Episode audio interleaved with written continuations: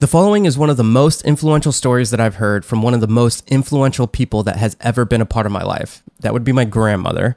After I heard what my grandmother went through in her childhood and coming to the States and everything, I'm just happy that I'm here in front of this microphone talking to you guys right now. So I hope that you guys get some perspective from hearing this story, that the same kind of perspective that I did.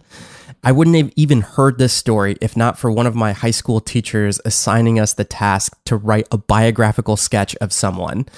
It just so happened that my grandmother was visiting from New York City all the way in little Fort Wayne, Indiana, and I sat down with my grandmother. She doesn't speak very good English, so my mom was actually translating for me during this whole process. Mama Yaya, a biographical sketch of my grandmother by Javier Mercedes, Miss Loney, period three, December 12th, 2006. Don't deny bread and money to anyone when you can give it, because you don't know when what you have today will be gone tomorrow, says the warm voice coming from the mysterious old woman across the table from me. Caribbean in her delicate skin tone, Mama Yaya has become the cornerstone of a well developed family of much character and integrity. Hunching over at 4 foot 7, Mama Yaya must depend on her cane to get herself around at the old age of 86. Very rich black hair is scarcely slicked back atop her head and is now 75% of the time covered by a wig that doesn't even have as thin, fine hair as her own. That dull thing in no way takes away from the enthusiastic character and nature foretold on that fragile face. A wrinkled forehead showcases itself every time she raises her eyes to look at someone. Those eyes, a man could tell a thousand stories just from staring deep into those warm hearted eyes. The fact that they change color with whatever clothes she wears makes them so unique. Her soft cheeks seem to be like pillows whenever anyone sinks a kiss into them. Gabriela Cruz Fria was born in the city of Higüey, Dominican Republic. Second oldest, she had three sisters and six brothers, two of which are still alive today to make a family of 12. They live the farm lifestyle in Campo Alegre, or happy country, with chickens and goats frolicking freely everywhere. As a child, working on the sugarcane fields in the blistering Caribbean sun every day made Yaya's upbringing not an easy path to take. Her father was the strictest parent of the neighborhood and never allowed the children to play with each other, nor let any family members visit their household. If any of the children told their father someone was coming, on the occasion that anyone would, he would smack whoever gave him the news. They also had one of the old crank while you talk telephones, but none of the kids were ever allowed to touch it. If any of the children got out of line, their mother would pull on their ears or use the belt every once in a while. But if discipline were needed while Papa was around, it was a whole different story. He would make the kids stand in the middle of the room with a big rock balanced on their head. And if they gave him any more lip, he would give the rock a good hard smack. He only saw what was in front of his face, Mama Yaya describing Agapito, her father. The life I had as a child, I don't wish upon any child, but I am thankful for it every day because it helped me become the father and the mother when I had children of my own. The daily work they made her do was very overwhelming, and some of it she labeled as men's work. Her sisters and herself would wash all the clothes of the old men who were oxen drivers and sugarcane workers around the area. She would clear the sugarcane fields with a machete and carry heavy harvest in on her head. The yard was weeded constantly by hoe and kept clean. She was even the one in charge of cutting down trees with a hand axe and splitting the wood for the family. Becoming mature quickly, by the age of six, Mama Yaya had learned to cook over an open fire. All of the neighbors would ask her father sometimes, Agapito, why don't you send any of your children to school? And he would be quick to reply with a remark like, Damn it, I never went to school and I'm alive. Every Christmas, her mother would cook food for the local community, and she would let the children deliver the food to anyone. This, along with New Year parties thrown at their house, were one of the few times when the children were allowed to interact with other people.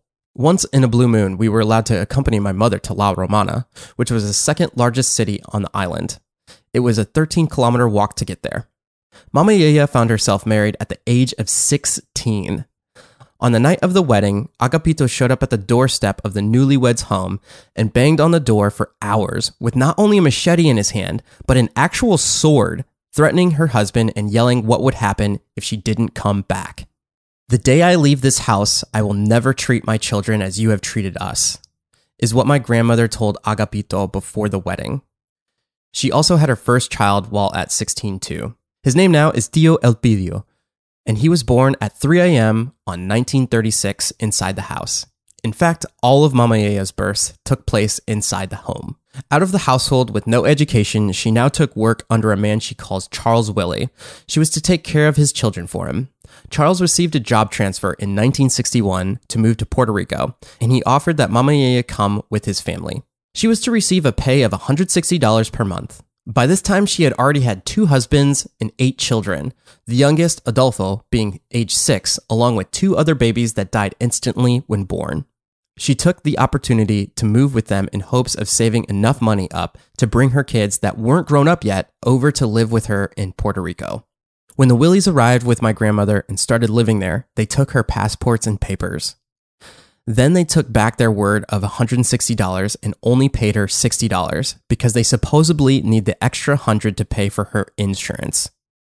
2 years later in 1963, she had a horrible accident while cutting roses for the wife. She fell back onto a sharp branch and it pierced and broke a vein in her leg. Mr. Charles Willie refused to take Mama Yaya to the hospital and instead waited a couple days to call a friend of his to come and take a look at her. This man saved her life by bandaging up the wound, but it was only a little help and left her bedridden for many months. While confined to only her bed, the Willies never gave her any food, treatment, or company. The only way she survived was by the grace of their family gardener, who came by every day and split his lunch with her through the window. A month after the accident, my grandmother had saved up enough money to send one of her 16 year old daughters, Nini, over to live with her. When Nini arrived, the Willies gave her the mattress that the dogs and the cats slept on. Refusing to ever sleep on such a thing, she realized right away what was going on was slavery, not maid's work. The Willies would try to make Nini turn into her mother and be a slave for them too. Whenever they would throw parties, the owners would put chains over the refrigerator in precaution that my grandmother or aunt would try and steal something. Within a couple months of housekeeping, Nini found Mama Yaya's passports and papers in a drawer and stole them back. This gave them every right to leave the house because they can now legally do it. We said we were leaving to see the doctor, says my Aunt Nini, but instead we never came back. The doctor they are describing is Honorato Estella, the same person that was the friend of Charles Willie that came and bandaged up Mama Yaya when she had her accident. The doctor paid Mama Yaya an honest wage of $200 a month compared to the $60 she was receiving before. Nini and Yaya took the Willies to court after they escaped. And unfortunately, they didn't really win much, except the $100 insurance fraud on Mama Yaya that the Willies were never really paying for. The sentence that the Willies got was a small fine, and they had to pay for the health and life insurance of my grandmother for a while. Mama Yaya worked as a cook for Honorato for a joint venture of nine solid years. After that time period was up, she began to work for an architect. One by one, her sons and daughters could be shipped over to her. Eventually, all the kids coming to live with her in Puerto Rico moved away to New York when they became of age. In October 1976, she finally left the shores of Puerto Rico with my mom, Diane, to come live in New York, in the USA, like most of her family. In the current day now, Mama Yaya has fulfilled her dreams and promise to her father by not treating her sons and daughters like he did. She has fulfilled and surpassed them by generating one of the most unique, loving families I know. Two of her sons have college or master's degrees and teach at institutes.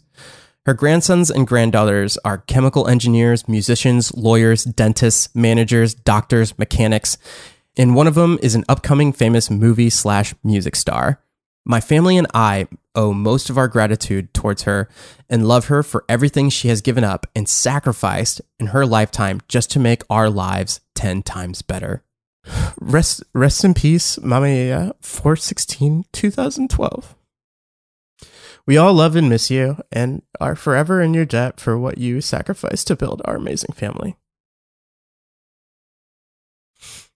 So, if you uh, didn't hear from that date, um, it was back in 2012 of uh, April that my grandmother passed away, and I can't uh, the the up and coming uh, famous movie star uh, and music star that I reference is actually my cousin Roni, who at the time of this recording, just this past Sunday, was on the finals of the uh, Hispanic version or the the Latino version of The Voice. There are just a whole web of people that have been touched because of what my grandmother did and the type of person she was and who she was to her kids.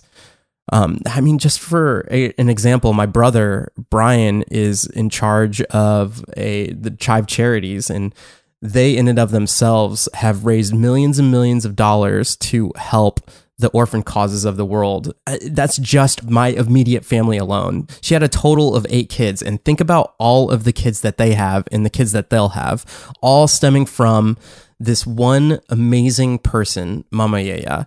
Not only that, but I think about that gardener that came by and fed her through the window that one month when she was bedridden. Like, what would have happened? Where would I be? Or where would the rest of my immediate family and all of my other family members and all the other people that have been touched by my grandmother and who she was where would we be or what would have happened if that one person would have wouldn't have went out of his way to make sure that my grandmother survived? What about the doctor that helped her get out of that slavery situation? It's it's crazy thank you for listening to this episode of passion in progress um it's a little personal one but i think if the whole point of this podcast is for you to go out and pursue your passions. I do hope that this story was something that could help you guys give you perspective on where you're at because you never know who you will affect and how big of an impact you may have on not only one person's life, but the whole offspring of that person. If you did like this episode, please subscribe to the podcast on iTunes. I'll leave this episode with one of the final recordings of my grandmother, where my cousin, the one that was just on The Voice, is singing to her in the hospital with all of us around, including Nini, the daughter that came over and helped her escape from that home in Puerto Rico.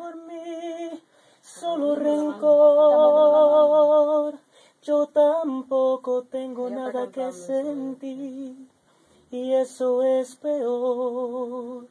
Pero te extraño, también te extraño.